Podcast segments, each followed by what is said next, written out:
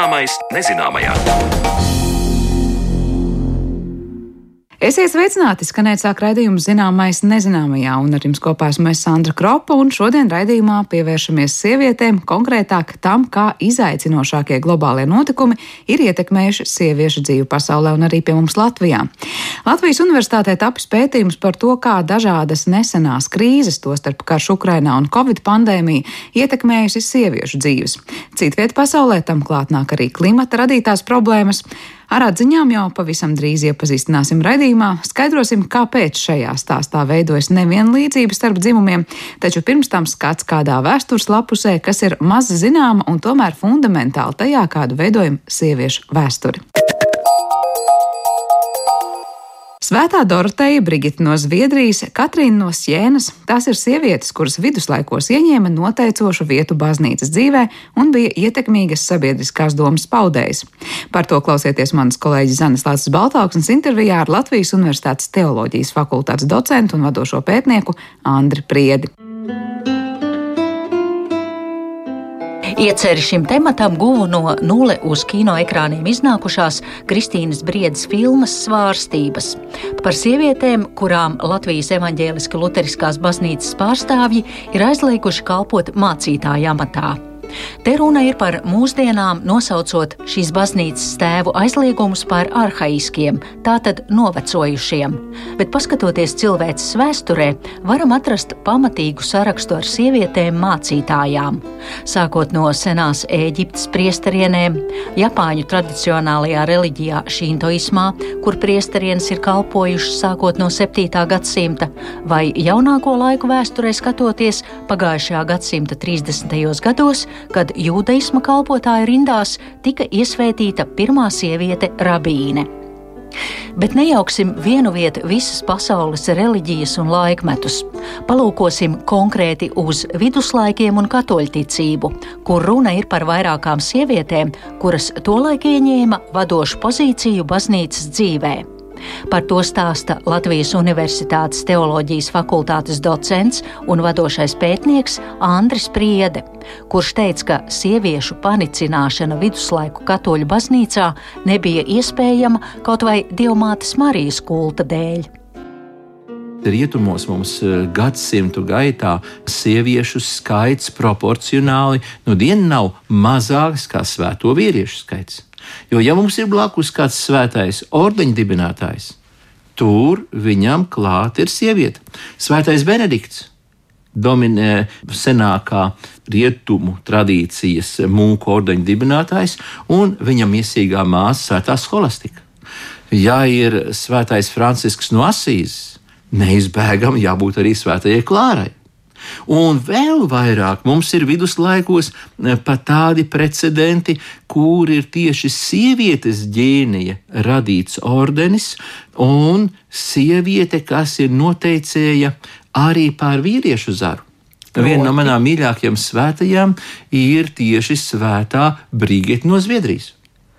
Tās ir tās 14. gadsimta lepnās sievietes, par kurām mūsu vecais labais kardināls Pujāts mēdza tā ar tādu smaidu studentiem sacīt: paskatieties, Katrīna no Sienas. Viņa aiziet pie pāvesta uz Aviņonu un saka, kā mēs runājam, sienai vai tev? Nu, kur mēs sastapsim šodien, teiksim, diplomātiskajā protokolā kādu vīrieti, kas var uzdrošināties pateikt valsts galvai, kam es runāju sienai vai tev? Nu, to varēja pateikt tātad šīs slavenās 14. gadsimta sievietes, kas bija sava veida sabiedriskās domas paudējas. Tad, kad bija slavenā Aviņona strimda, 1305. 1378. gads, un kāda Eiropā risinājās diskusijas, nu kā tad nu var Roma būt bez sava līgavāņa, kā svētās to teica. Skaidrojums. 14. gadsimtā cīnoties par ietekmi starp katoļu baznīcu un valdošo monarhiju un šķeļoties katoļu kustībai, daudzi pāvesti tolaik uzturējās nevis Romā, bet devās uz Francijas pilsētu Aviņonu. Tad lūk, Katrīna, lūk, Brigita bija tās, kuras izmantoja savu iespaidu, lai pārliecinātu pāvestu atgriezties Romā. Un Brigita, šī izcilā mistiķe, varbūt pat slavenākā Zviedrijas sieviete, nu, labi, jūs teiksiet uzreiz pēc Astrīdas Lindgrēnas vai Selmas Lagerlēvas, bet viduslaiku, nu, līdz karalienei Kristīnei, Gustavā Adolfa meitai, kas kāpa Zviedrijas tronī 1632. gadā. Nu, neviena cita dāma uz Zviedrijas skatuves nav nospēlējusi tik iespaidīgu lomu kā šī princese Brigita, turklāt vēl pati rakstīt nepratēji, kura varēja atļauties algot savu sekretāru, kas pieraksta viņas vīzijas. Un šīs vīzijas dažu gadu laikā ir kļuvušas tik populāras, turklāt arī viņas pašas biogrāfija, ka turpat mums kaimiņos, e, Prūsijā, ir svētā Doroteja no Montovas, kura padzirdējusi, ka lūk, Brigita ar savu vīru, bērni izauguši, dodas svētceļojumās pāri visai Eiropai, uz Santiago, uz Svēto zemi, pie svētā apakstuļa Toma uz apūliju. Nu, viņi saka, mēs arī tā darīsim. Pārliecina savu vīru, kas ir ielošs kalējs, ka nu, mēs jau esam tā pusmūžā, mēs jau varam atļauties arī kaut ko tā saka, priekš sirds un dvēseles glābšanas.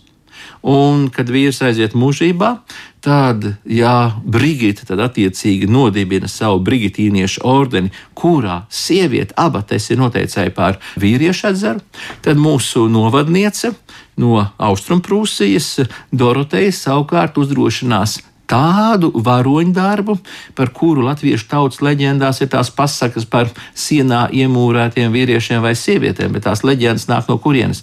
No tā, ka mums bija šie tā saucamie reklūzi, šie augstākās pakāpes mistiķi, kuriem pietika šo šauro celi pie kādas katedrālas vai klosteru mūriem, un kuru iekšējais svētceļojums sākās tad, kad viņu kājas pārstāja pārsteigāt Eiropas svētvietas.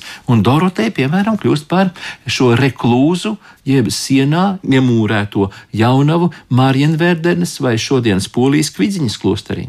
Un tad lūk, viņas kanonizācija aizkavēja sakarā ar vācu ordeņa sekularizāciju, tad visi šie 30. gadu kara notikumi, un tikai pēdējā 20. gadsimtā tāda atkal viņas vieta vēsturē tiek ar cieņu atgūta.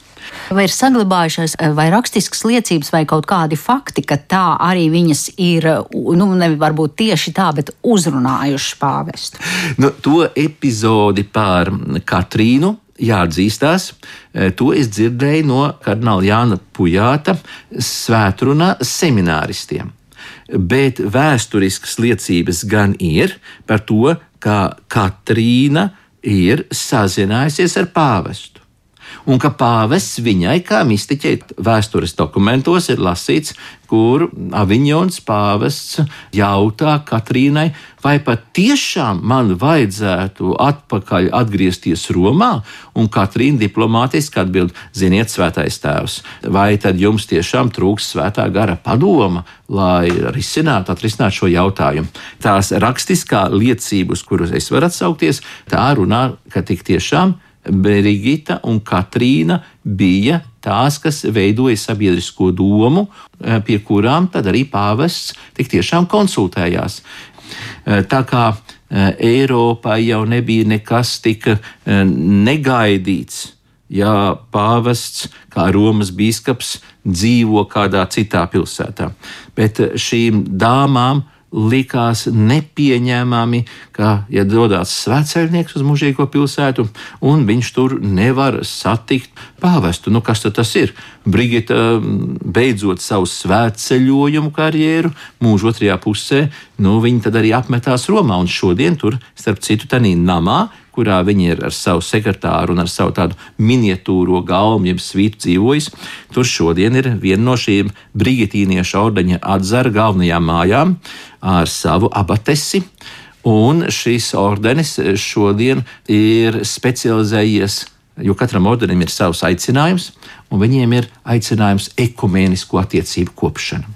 Tāda Zviedrijas, un Somijas un Dānijas luterāņu biskupi un mācītāji un mācītājs, ja viņi dodas uz Romu, tad viņu mīļākā apmešanās vieta ir tieši Pjaca Farnēze pie Brigitas kājām, saskatot, ka nu, viņa ir tā, kas ir mūsu tautas, mūsu ziemeļtautas lepnums par spīti konfesionālajai sadrumstalotībai. Es pats atceros Brigitas eh, jubilejas svētku misiju vēl pāvesta Vojtils laikā, kad, lai uzsvērtu šo viduslaiku sievietes ģīniju, svinīgajā Vespēra dievkalpojuma Pētera bazilikā, nu, ko aicināja nolasīt pirmo lasījumu, Pāvests piedāvāja pirmo lasījumu šodienas Zviedrijas karalienei Silvijai.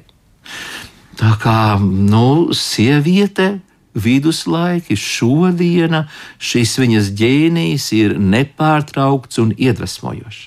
Jūs par divām pastāstījāt sievietēm. Viņas, nu, kā jūs teicāt, bija ģēnija tajā laikā, un pēc tam arī tika ieceltas svēto kārtā. Bet, ja mēs skatāmies to laiku uz nu, nezinu, varbūt zemākas pakāpes sievietēm, vai arī ir kādi dati, kuras ir ieņēmušas kādus nozīmīgus amatus baznīcas hierarhijā?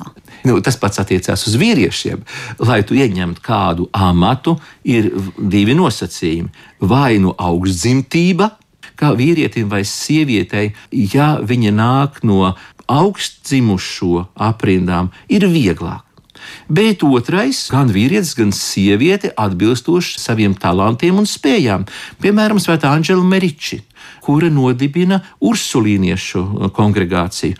Tas jau ir 16. gadsimts, tas ir renesanses laikmets, bet vienalga viņa nav nekāda princese, tur augšā pie Lago di Garda, šodien populārais itāļu kurorts, bet viņi tādā savā mazpilsētiņā saka, nu, jāveido meiteņu skolas, un nevis dišciltīgo meiteņu skolas, bet tām meitenēm, kurām citādāk nav pieejama vispārējā izglītība ielu meitenēm, teiksim. Un tāda nu, sabiedrībā saka, beidz. Nu, ja tu gribi kļūt par klosteru māsu, stājies kādā ordenī, tu varēsi dzīvot savā klostera cellē, dziedāt, izglītot izciltīgās meitenes. Bet kāpēc tev vajag šādu izaicinājumu, ko neviena līdz šim nav darījusi? Un Svētā Anģela Meriči viņai tomēr izdodas par spīti visiem ne tik daudz dzimuma aizspriedumiem, cik sociālajiem aizspriedumiem. Tam visam par spīti viņai izdodas nodibināt Ursulīnietes, viena no pēdējos 400 gados nopelniem visbagātākajām kongregācijām, kurām katrā lielākā un ne tikai lielākā Itālijas pilsētā, bet arī kalnu ciematos bija skoliņas vienkāršām meitenēm no zemākajām zemnieku, amatnieku aprindām.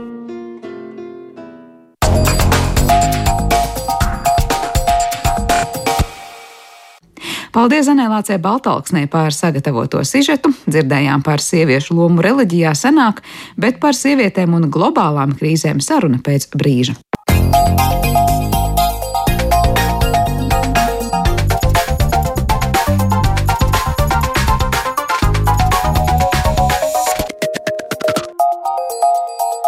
Zināmais nezināmajā. Krīžu laikā visvairāk cieš tās sabiedrības grupas, kurām ir mazāk iespēja pārstāvēt savas tiesības. Diemžēl jau šobrīd pasaulē tieši sievietes ir tās, kuras visvairāk cieš no dabas katastrofām, ekonomiskām problēmām, pandēmijas un daudz kā cita. Kāpēc tieši šīs sievietes to izjūt visvairāk un kā globālās krīzes ietekmējušas arī latviešu sieviešu dzīvi? Par to uz sarunu šodien esmu aicinājusi divus Latvijas universitātes pētniekus, Veroniku un Helgaru Felčus. Labdien! Labdien! Labdien! Es saprotu, ka jums ir tapis pētījums par sieviešu attieksmēm, par nesenām krīzēm. Te ir, mēs runājam gan par karu, gan pandēmiju, gan daudz ko citu. Un tā pētījuma pamatā ir septiņas diskusijas ar Latvijas sievietēm no dažādiem reģioniem un ar dažādām dzīves situācijām. Es lūkšu pirms Veroniku ieskicēt, kas tas bija par pētījumu, ko īsti sanāca noskaidrot un kas tās par sievietēm, ar kurām nācās runāt. Nu, varētu teikt, ka kaut kādā ziņā šis pētījums sanāca nejauši, jo um, jau dažas diskusijas tapa par mūsu projektu no Latvijas Zinātnes padome fundam, eh, fundamentu un lietišķu pētījumu projekta, kas, eh, kuru sauca Gatavi pārmaiņam kopīgu dabas resursu ilgspējīga apsaimniekošana. Tātad šī pētījums, par kuru mēs šodien gribam runāt, tā ir tikai maza daļiņa no, no tā lielā pētījuma. Un, protams, tas viss bija tikai sākums. Un, ņemot vērā visu, kas notika pasaulē un kā ka pandēmijas parādījās, un es sapratu, ka es varu šajā pētījumā, kā sieviete ar, un mamma trim bērniem, uzva, es varu tikai iesaistīties, vienkārši daloties un redzot to, kā sievietes situācija visā pasaulē un īpaši Latvijā ir. Um, un tāpēc es tieši šajos, šajā pētījumā ietvaros ļoti gribēju parādīt to sieviešu um, perspektīvu. Es runāju ar um, ļoti dažādām uh, sievietēm ar dažādām dzīves situācijām. Vairāk nekā 50 sievietes piedalījās uh, septiņās diskusijās uh, dažādos reģionos. Um, un fokusā grupu diskusiju galvenais mērķis bija izzināt sieviešu neaizsargatību saistībā ar sociālajiem resursiem, kas tieši saistas ar gatavību klimata krīzes sākam. Eh, domājot par to, vai sievietes ir laiks un resursi sagatavoties klimata krīzei un kā viņas to dara. Bet man te viens jautājums um, Latvijas kontekstā. Mēs par, droši vien parunāsim arī globāli par šo klimata krīzi un to, cik ļoti dažādi ar to saskars sievietes un vīrieši, kur sākumā varbūt daudziem arī klausītājiem var likties jautājums, kāpēc gan tur būtu atšķirības. Bet vai tiešām Latvijas kontekstā arī šī klimata krīze bija viens no jautājumiem, par ko runāt ar to sieviešu neaizsargātības aspektā, nu, cik dažādi saskar tos sievietes? Sievietes Latvijā ar klimata krīzes pareizi uztver domu. Elgar varbūt grib papildināt. Tas, tas ir visā, fokus arī visā pētījumā, kā Veronika minēja, teici, ir, ir, ir fokus uz eh, klimata krīzi kā eksistenciālu un būtisku risku, kas mums, kas mūs sagaida. Um, jā, un tas cauri visu pētījumu daļa šajā, šajā, šajā projektā.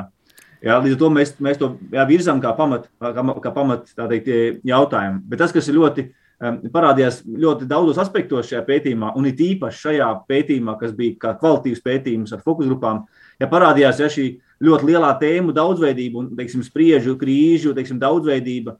Un, un, un šī klimata krīzes teikt, pakārtotā loma jā, sieviešu perspektīvā. Tas bija ļoti, ļoti acīm redzami. Līdz ar to mēs mēģinājām to izzināt vairāk, ja kā tas izpaužās, teiksim, ja kā vispār ir mūsu gatavība pie kaut kādiem nenoteiktības vai, vai, vai krīžu situācijās. Tad es pareizi saprotu, ka dažādās krīzēs patiesībā skatījāties, cik atšķirīgi reaģēs arī šeit, pat Latvijā, vīrietis un sieviete, vai ar, ar kādām problēmām saskarsies vīrieši un sievietes. Neatkarīgi no tā, vai mēs runājam par klimata krīzi, ekonomisko krīzi, nezinu, energoresursu krīzi un daudz ko citu. Jā, klimata krīze sievietēm ir tā, ir tā kā ēnā paliek. Āna palīdz dēļ pandēmijas un dēļ tas Krievu agresijas Ukraina. Uh, Un, um, jā, tas, tas parādīja, cik ļoti sievietes ir piesaistītas maisaimniecības un aprūpētāju sociālās lomās. To Covid jā, laikā tas, mēs dzirdējām, vai ne? Ļoti daudz arī Latvijas sabiedrībā mēs jā. diskutējām par to, ka, tā, ka ir mājasēde, tad likās, ka tas darbu sadalījums daudzās ģimenēs bija ļoti, nu, varbūt nevienlīdzīgs atbilstoši tam, nu, ko darbā dara sieviete un darbā no mājām, plus vēl paralēli aprūpējot visu, kas ir mājās. Vai eh, jums ir kaut kādi jauni secinājumi? Secinājumi, nu, ko jūs esat sapratuši, kas Latvijas kontekstā strādā un nestrādā? Tas, ko interesanti novērot, teiksim, cik grūti būtībā ir izrauties no šīs vēsturiskās pēctecības vai šī konteksta, kas raksturo arī Latviju.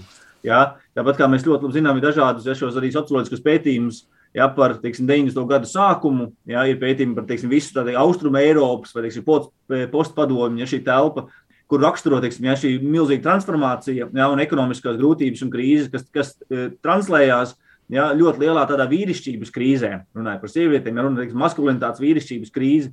E, viens sakot, ja šī nespēja parūpēties par, e, par ģimeni, ja, un, un šīs tipiskās teiksim, reakcijas, ja, tipiskākās divas teiksim, ja, ir agresija un, alko, un teiksim, atkarības. Jā, ir, ir vīriešu reakcijas. Jā, un, un savukārt, teiksim, ja sieviešu loma vienmēr būs citādāka, viņas vienmēr viņas neizbēgami paliek ar to visu lielo nastu. Ja vīrietis tas vienkāršojot, vīrietis tas, kurš vienkārši ja, viņš atkāpjas, no, izzumojās ārā no tā visa, burtiski, bet, bet sieviete teiksim, paliek ar to visu sarežģītās situācijas nastu. Tur runā arī par aiziešanu no ģimenes, aiziešanu no problēmām tādā tiešā mērā, ka vīrietis ir tas Tieši biežāk tā. parādās jūsu pētījumos, kas krīzes gadījumā nu. vai nu aizies no dzīves, ja mēs tiešām runājam par, par pašnāvību gadījumiem, vai arī aizies no ģimenes atstājot to visu. Jā, Vai tas ir tāds stereotipizēts skats? Nu, jā, tieši tā. Un es gribēju pieminēt, ka run, es runāju ar, ar, tikai ar sievietēm, ne ar vīriešiem. Tas ir, tāpēc tas ir svarīgi saprast, ka tas ir tikai sieviešu perspektīvā. Bet vienlaicīgi svarīgi, ka nevienā diskusijā sievietes neveidoja stereotipus par vīriešiem un neuzskatīja dzimumu atšķirības kā melnbaltu dualismu. Un viņas atklāti dalījies ar um, izaicinājumu un grūtībām saistībā ar saviem partneriem, nepiešķirot vienādas īpašības visiem vīriešiem.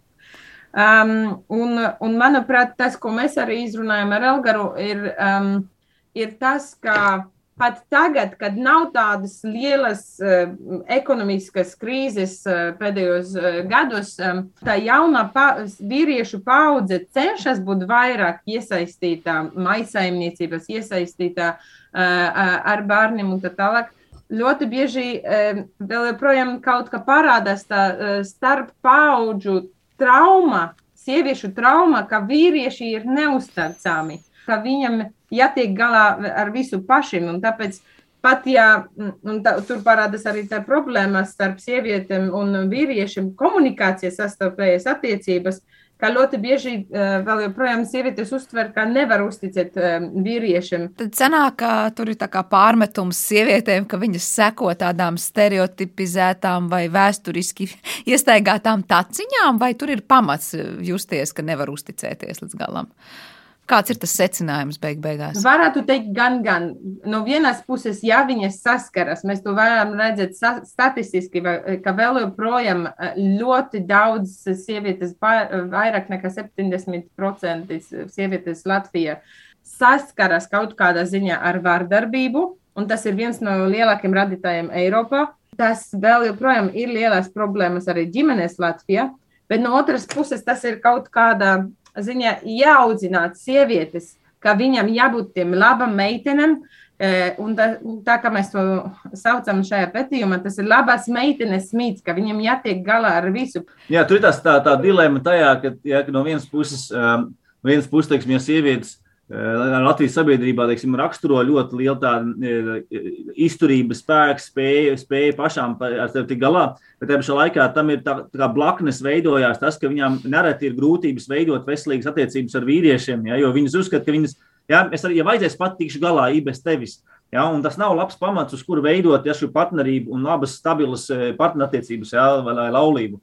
Ja, un, un, un, tie aspekti arī ļoti parādās, ja mēs, ko mēs redzam arī šajās šajā, šajās perspektīvās. Un, un tas tāds, ja mēs skatāmies socioloģiski, ja tā ziņā, kas ir tā pēctecība vai šīs ietekmes, ilgāku laiku ietekmes, ja viņas nemainās ne ar vienu paudzi, ne ar vienu desmitgadi, ne ar vienu īsu brīdi, tad tās tās lietas, kas, kas vēl, velkās līdzi ilgāku, ilgāku laiku, un laiku, un kuras mainīt var tikai ļoti pamazām.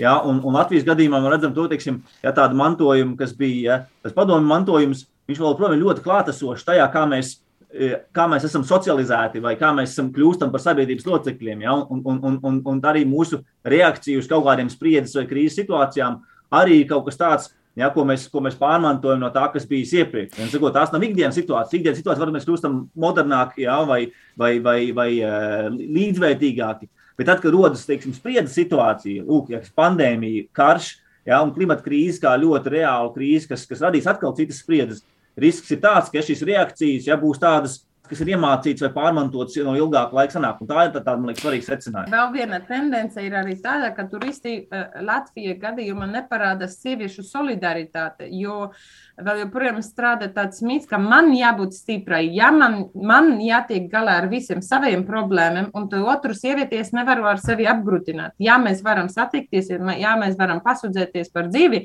bet beigu beigās man ar saviem problēmiem jātiek galā. Un, Un es mazliet arī kauturējos, ja man kaut kas nesanāk, ja man vīrs ir alkoholiķis, ja man bērniem uzvedas tā vai tā, vai viņiem ir tādas problēmas, es negribu nevienu ar to apgrūtināt, ar to nedalīšos, un arī mazliet kauturējos. Un tur ir arī tā problēma, ka nebūvējas tāds stikls, kurš ir aiz, aizsardzības. Nu, un patiesībā, jā, tad arī nav, nav iespēja tik ļoti ziņot par tām savām problēmām, kas ir aiz tām četrām mājas sienām, ja tur ir vārdarbība vai kaut kas cits. Bet tas, ko Elgars pirms brīža pateica šo frāzi, ka no vienas puses nav labi, ja sieviete pasaka, es ar tām problēmām pati tikšu galā, vai man ir jātiek pašai galā, ka tu te, teici kaut kā tas nav labs, tas partnerattiecību pamats pamats. Te atkal mēs nonākam pretrunā ar to, ka mēs sakām, ja sieviete ir nu, jābūt pietiekoši pašai pietiekamai un, un, un neatkarīgai gadījumā, ja viņa saskaras ar nezinu, kaut kādu vardarbību vai ne tādu attieksmi ģimenē, viņai ir jābūt spējīgai pateikt, es pati ar sevi tikšu galā un es aiziešu no šīm attiecībām. Jā, vai tas protams. Latvijā nav arī tāda problēma, kas varbūt iezīmējas, ka sievietes ne tikai nestāsta par to citām vai citiem, kas viņām nav labi, bet uh, baidās un pat patiesībā nav spējīgas uzsākt to savu neatkarīgo dzīvi ārpus tās ģimenes, Noteikti, kurā neklājas labi. Noteikti tas parādījās arī pat uh, tādās situācijās, un īpaši laukos, kur sievietes teica, ka, ka piemēram, mammas vai, vai tantes vai visādas tās sievietes apkārt arī um, iemāca to, to sievieti, kura dzīvo ar vardarbīgo vīrieti, ka, ai, nu, tiksi galā kaut kā, nu, varbūt viņš ir vardarbīgs, bet tomēr tev palīdz laukos, vai ne? Palīdz tev sagādāt mauku, palīdz tev e, ar dārzu, palīdz tev aizvest kaut kur, jo ļoti bieži tam sievietēm nebūs tiesības un tā tālāk. Es negribu stereotipizēt, bet tas arī noteikti parādījies, ka labāk, lai būtu jebkāds vīrietis, nekā viņu nav īpaši laukos, kur tiešām to vīriešķīgu spēku arī bieži vajag. Un, un arī to uh, sievietes novērtēja, ka jā, vīriešiem ir tas tehniskas prasmes, palīdzība maisaimniecībai, ilgtermiņa domāšana un tā tālāk.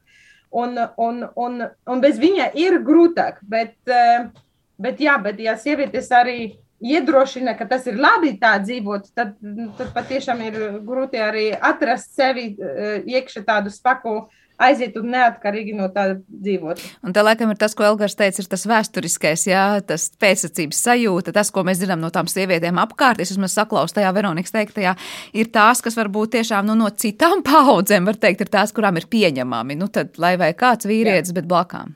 Jā, mēs vienkārši caur to varētu teikt, ka tas pētījums iesaka kaut kādu tādu ceļu, uh, lai saprastu, ka um, dzimumu nevienlīdzība saskaras ne tikai ar klimatu krīzi, bet arī ar visādām citām krīzēm un arī ar vēsturisku um, um, mantojumu. Latvijai, kas, kas vēl vajadzētu sistematizēt, jo, jo tas nebija neatkarīgs patījums, to vajadzētu papildināt un uh, padziļināt.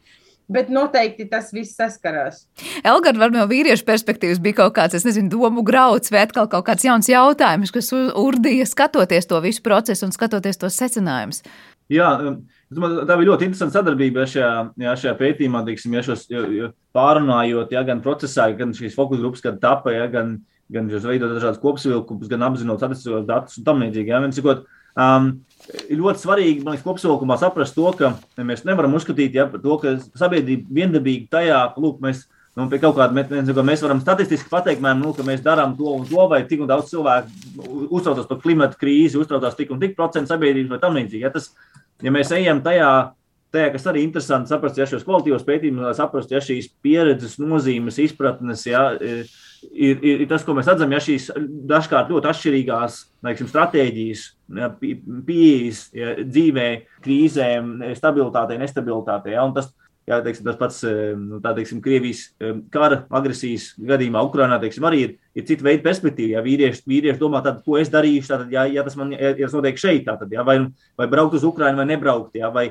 vai, vai, vai nokārtot ieroču licenci, vai nenokārtot. Bet ja, sieviete jau arī domā sieviet, kontekstā, kas notiks, ja tas notiks šeit. Man vismaz tā absolūt, liekas. Jā, absolūti, bet teiksim, viņas, viņa, viņa perspektīva visbiežāk būtu teiksim, to, kas notiek citos karos, teiksim, ja, vai, vai kā, ko raksturo teiksim, ja, šīs. Um, Eh, vardarbības un, un, un, un izvarošanu kā ierocis, ko, ko, ko Krievija arī izmanto. Ja, un tā, un tā ietekmē tikai sievietes. Un tā perspektīva, kas, kas vīriešiem nav, teiksim, domājot, domājot par, ja, par to, kas notiek kaut kādā tādas, tāda situācijā. Un, sakot, tas, tas, arī, tas, tas arī mainās, nu, tādā, tādā veidā tas ir atšķirīgi. Ja, un, un, un, parādās arī cauri, cauri visam ja, tas, tā, tas atšķirības tomēr tā laika joslas perspektīvā. Nu, nevaram teikt tikai balts un melns, ka teiksim, vienmēr atšķirās, bet vairāk vairāk ja, vīrieši raksturo ilgāku teiksim, ja, perspektīvu domāšanu, tad vai nu ilgāka termiņa perspektīva domāšana, vai, vai visa ignorēšana un, un norobežošana Bet... vispār no nekā.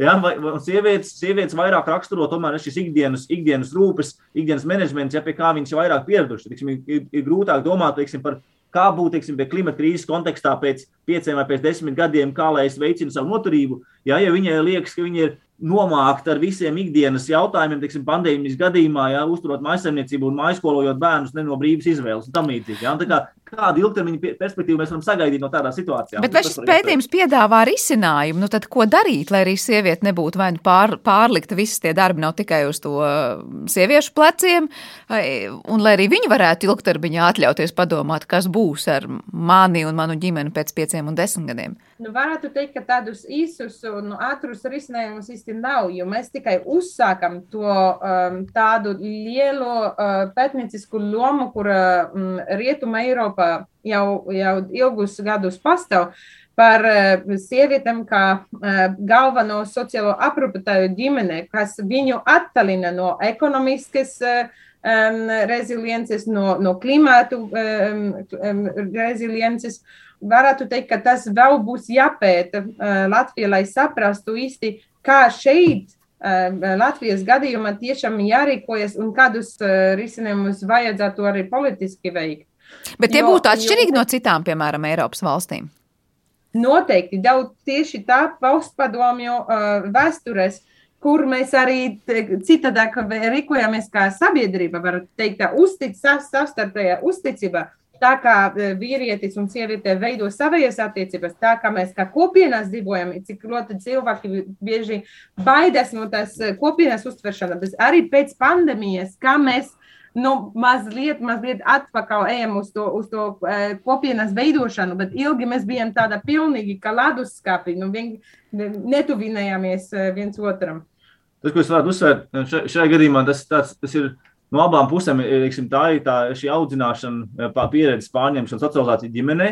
Ja, kas ir ļoti lēns process, tā ir pārmaiņas, jau lēns process, lēni notiek pārmaiņas, bet notiek. Un otrs ir izglītības process arī, tas kādā veidā, ja kaut kāda ja šo ja, dzimumu, dzimumu lomas vai dzimumu stereotipi tiek, tiek pārnesti arī caur dažādiem izglītības procesiem. Ja, un, un kaut kāds trešais aspekts varētu teikt, piemēram, ja mēs ja, pieksim, domājam par kādiem aspektiem, kas politiskā līmenī Latvijā ir, piemēram, ja tēviem līdzvērtīgas iespējas iet bērnu kopšanas atvaļinājumā, vai eh, ja, liksim, tādi aspekti, ja, kas iesaista bērnu aprūpē viņus vairāk, kas ir nokopēts no Ziemeļvalstīm un pamatot nokopēts ja, Ziemeļvalstīm, ja, kur šī, kur šī teiksim, dzimuma līdztiesības jautājums ilgus gadus ja, tiek, eh, tiek par to, par to tiek, par to tiek teikt, lielāks, lielāks rūpes. Ar to visu vēlos uzsvērt, ka teiksim, nav runa par to, ka par dzimumu, ja, vienotrais, par dzimumu vienlīdzību, ja, runājam par līdztiesību. Ja, un arī tās, tās valstis, kam ir ilgāka vēsture, arī ja, šo, šo teikt, attīstot. Protams, saprot, ja mēs runājam par, man, ja šis vienkāršs skatījums būtu, ja, ka, lūk, tagad vīrieši, sievietes darīs visu vienādi, vai viņiem visi vienādi pienākumi. Ja runa par to, ka, par to, to, ka mēs uh, nenorobežojam vai, teiksim, neierobežojam ja, meitenes vai zēnus kaut kādā konkrētā veidā, vai nepieliekam birkas, man, nu, ka, nu, nu, puiši, nu, tādi jau puiši ir, viņi tādi palaidnīgi, stulbi vai tādi, ja, kas, teiksim, izglītības sistēmā Jā, un ir šis jautājums, un mēs varam jā, aiziet tālāk uz protams, citām tēmām. Ja izglītības sistēma ir tāda Latvijas gadījumā, kurā, diemžēl, ir ļoti slikti atalgot un kurā strādā vairāk nekā 95% sieviešu, tad šī socializācijas skolā ir caur vairāk tur sievietes perspektīvu. Jā, un, un nav, atkal nav, nav šī, jā, šī, šī daudzveidība iztrūkst. Tās ir lietas, kas, kas var eh, apstādināt šo procesu. Bet tajā pašā laikā mēs arī redzam, redzam ja šo, protams, tendenci, ja šīs, vai, ja šīs izmaiņas, teiksim, tas, kas, tas, kas ir noticis Latvijā, ja šo šo, šo gadu gaitā. Veronika, gribēju pateikt. Statistiku es varu uh, pateikt, ka Pasaules ekonomikas forums uh, padalījās ar to, ka kam iepriekšējā gadā, 2022. Uh, mums vajadzētu vēl 132 gadus, lai sasniegtu pilnīgu dzimumu ekonomisku vienlīdzību pasaulē. pasaulē. Mhm. Bet, bet vien, vienlaicīgi mums pirms pandēmijas vajadzēja tikai simts gadus, kas nozīmē, ka tas divus gadus pandēmijas laika mēs to vienkārši atkāpam par pāri 30 gadiem. Un tagad, pamazām, piemēram, 2021. gadā tas bija 36 gadi, kas mainījās uz labu pusi, 4 gadi, bet nu, tas virziens iet ļoti, ļoti lēni. Un vēl viena, piemēram, kopsavilkuma varētu teikt, jebkura krīzes situācija ja, teikt, mazina ja, dzimumu līdztiesību. Ja, roda, rada neproporcionāls spriedzes. Nevis gluži otrādi, mēs iemācāmies risināt kaut ko un varbūt ātrāk pavirzamies uz priekšu. Ja, to, jā, diemžēl tā. Un tā kā no klimata tu... kontekstā būtu jāsaka, mēs diemžēl varam sagaidīt atkal to pašu. Tiksim, ja, ja mēs paredzam klimata krīzes aspektus, kas, kas izpaudīsies nākošo tiksim, desmitgažu laikā, Jā, viņi būs neproporcionāli attiecībā uz sievieti. Runājot, ap citu, tikko Elgars piesauc šo klimata krīzi, tas mazliet saskarās, protams, vairāk ar globāliem jautājumiem. Mēs arī šajā jaut raidījumā esam runājuši par to, kā izteikti citos reģionos sievietes ir vairāk pakļautas klimata krīzēm. Nu, tādi tipiski piemēri būtu sabiedrībās, kurās joprojām sieviete ir tā, kas sagādā ūdeni vai cīnās ar plūdiem, vai ir spiesta domāt, ko darīt ar ģimeni un bērniem, tad, kad ir varbūt jāemigrē no tās konkrētās teritorijas valstīs. Vai jūsuprāt, arī Latvijā mēs tiešām varam runāt par klimata krīzes atšķirīgām sejām nu, dzimumu kontekstā, vai tomēr Latvijā mēs ar to nu, tā nesastapsimies? Nu jā, tas varētu teikt, ka šis pētījums ir arī unikāls tajā ziņā, ka viņš neturpina to, to lielisku darbu, kuru Zala brīvība uzsāka, piemēram, par tieši to sieviešu vienlīdzību klimata krīzes laikā citus valstus vai, vai tos so-called developing countries. Attīstības, uh, jā. Uh, jā, un, bet, bet mēs fokusējamies uh, tikai un vienīgi uz, uz latviešu sievietēm. Bet te ir jautājums, kā tad latviešu sievietes saskars ar klimatu krīzi vai saskarsies? Kuros aspektos? Jā, tas varētu teikt, ka tas, uh, tas saistās uh, dziļi ar viņas resursiem un kādus resursus viņa būs. Un, un, protams, ka tas klimata, klimatu krīze uh, ļoti stipri parādās kopā ar klim, eh, ekonomisku krīzi eh, Latvijā, kas nozīmē, ka vai man būs pietiekami daudz malkas, vai man ir resursi, kā, es, es varu iegādāties malku citādāk, nekā vienkārši maksājot caur naudu ar šito. Es varbūt nevarēšu sev atļaut mangu vai avokādu veikalā, bet vai, man, vai es varēšu aiziet uz veikalu nopirkt grīķi, kas ir dārgākas tagad jau, vai es varu to izaudzēt, jo man ir dārsts. Un tāda rezilience vai vienkārši starp sievietēm parādās. Un, un, un otra ir tas sociālais kapitāls, kuru, um, kuru mēs arī pētījāmies. Vai sievietes vis, vispār aizstāv tādus dabīgus resursus Latvijā, piemēram, meža resursu apsaimniekošana, vai viņam ir kaut ko, kā, kā viņas var arī kopīgi par to lemt, vai viņiem tas interese, vai viņas to aizstāv, vai viņas saprot, kāda ir politika veikta ap um, Latvijas mežu apsaimniekošanu un, un tādus dabīgus resursus, kuru mums beigu beigās dot to neatkarīgas sajūtu un rezilienci. Bet kādi bija tie secinājumi, vai iezīmēs kaut kāda atšķirība starp to, kur sievietes dzīvo, kādas ir šobrīd viņu sociālās un ekonomiskās iespējas? Kādas bija tās atbildes? Jā, tas ir arī ļoti svarīgi, kā viņus ietekmē uh, klimatu krīze laukos un pilsētās. Jo īstenībā um, jā, daudz dažādas pakalpojumi varētu būt vairāk pieejami pilsētās, piemēram, vārdarbības gadījumus vai uh, visādas uh, izglītības pakalpojumi bērniem. Bet no otras puses, laukos mēs parādījām gan caur mūsu statistiskiem aptaujām Latvijā, gan caur tiem diskusijām, ka laukos eh, dzīvē sievietēm ir daudz, daudz. Re... Like, Noturīgāk, rezilienti. Jā. Jā. Tas, tā, tā, tā ir interesanta dilemma, ja, kas teiksim, nedaudz dilemma tā ir. Jā, ar to teiksim, pilsētvidu, lauku vidi. Tas ir tas, tas pamatgriezums, kurā mēs, kurā mēs skatījāmies ar šo salīdzinājumu. Nu, laukas, no lauku vai mazpilsētas. Um, ja tajā, ka, uh, tajā, kad ir lielāks potenciāls justies drošāk, neatkarīgāk, stabilāk, uh, ir sevišķi kaut kādām ja, šie krīžu vai sevišķi klimata krīzes kontekstā. Ja, Jā, bet tajā pašā laikā atkal kaut kādi ja šie, ja šie dzimuma nevienlīdzības aspekti, ja, kas nereti laukos var izpausties citādā, citādā veidā, jā, vai, uh, un, un, un kaut kāda šī brīvība vai neatkarība, ko, vai, uh, pil, ko pilsētas, pilsēt, pilsētu vide uh, dod. Jā, tā kā, nu jā, tā kā apzināšanās un, un, un, un, un, un sievietes arī runā tādā veidā, tas, ka saprot lauku vidi kā stabilāku, drošāku, kur jau gan ietekmē, jā, bet arī drošāku. Tā kā vienā no respondentiem arī teica, nu, tas ir neiespējami lauko izmirst badā. Kas, kas īstenībā parāda tādu neaizsardzību uh, starp uh, sievietēm gados, pilsētas, ka tiešām viņas ļoti bieži dzīvo uz, uz ļoti maz pārtīku un, un, un daudz visus naudu prasa visādas komunālajiem maksājumiem un zāles un viss pārējais. Par to arī teiksim, sarunās ja šie stāstīja par to, cik, cik maz paliek beigās pārtikai ja, no pensijas. Ja, un, un tam līdzīgi. Tas Beigu beigas- atšķirās citādāk. Beigu beigās mēs arī sapratām uh, caur to pētījumu, ka, ka tiešām uh, sociologiem ir arī tāda, nu, varētu teikt, sociālā atbildība vairāk fokusēties uz, uz tiem pensionāriem un kā viņi dzīvo Latvijā, jo arī lielas uh, nabadzīgas riski mm, ir tiešām piešķirti tai, tai paudzei. Tad vecākai paudzei, bet par to, kas atkal ir problēmas jaunākai paudzei, bet tur iezīmējas tas, ka laukos iespējams atkal ir nedrošāk no tā, cik es nopelnīšu un kur es nopelnīšu, nekā pilsētā, vai tas arī ir stereotips, ka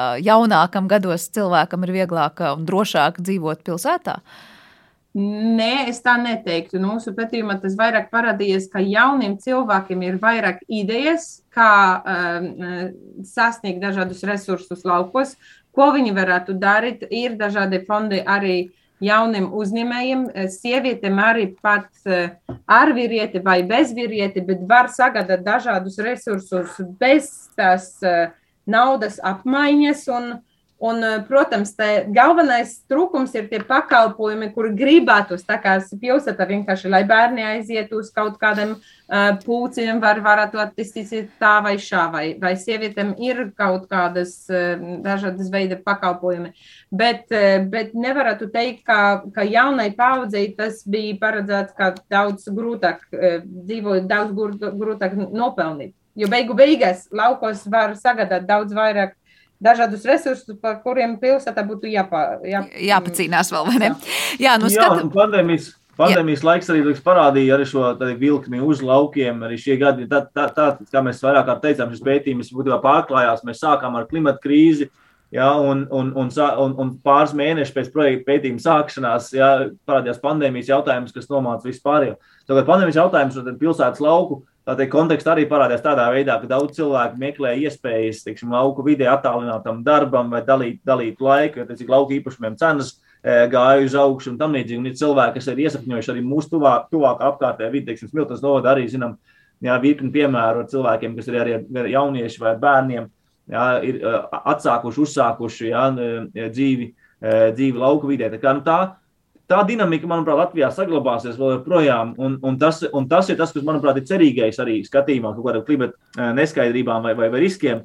Ja, kad šo saikni ar, ar, ar lauku vidu lauku īpašumiem un spējām par sevi parūpēties, ir tas, ko, mēs, tas, ko cilvēki cenšas uzturēt un, un izvēlēties arī apzināti. Vairāk, un uztrenēt, pat gribētos teikt, klausoties jā. jūsos. Jā. Bet, protams, ka skatoties nu, globāli, tās sejas, kāda nevienlīdzībai ir, gan runājot par klimatu, gan vairāk par Afganistānu, gan ir piemērs, kad tad, kad nav ražas un vajag naudu ģimenei, tad izrādās, lai pabarotu pārējo ģimeni, meitas tiek pārdotas laulībās un daudz kas, nu, kad liekas, no cita gadsimta ir šie stāsti. Uh, var teikt, protams, mazliet citās krāsās, mērogos un aspektos iezīmējas citās teritorijās, bet, kā arī Veronika pirms brīža minēja, Latvijā nav sveša tā nevienlīdzības seja kaut vai tajā, kā sagādāt malku energoresursus, grīķus un daudz ko citu. Gadījumā, ja klimatam mainoties, arī mainās tas, cik ļoti mēs pie resursiem tiekam citos reģionos. Es teikšu šajā reizē jums lielu paldies par to, ka ieskicējāt savu pētījumu rezultātus, kas, kā jau Telgars teica, sākās ar klimatu, bet beidzās ar pandēmiju, bet vienmēr sakot bija par to, cik ļoti dažādi krīzes situācijās reaģē un dažkārt varbūt ir spiest reaģēt gan sievietes, gan vīrieši. Atgādinu, ka šodien raidījumā pie mums viesojās Latvijas Universitātes pētnieki Helgars Felts un Veronika Felts. Līdz ar to šis raidījums ir izskanējis, un par to parūpējās producents Paula Gulbinska, mūzikas redaktors bija Girds Bišels, bet šeit cānā bija skaņu režijā un es Sandra Kropa studijā. Uz tikšanos!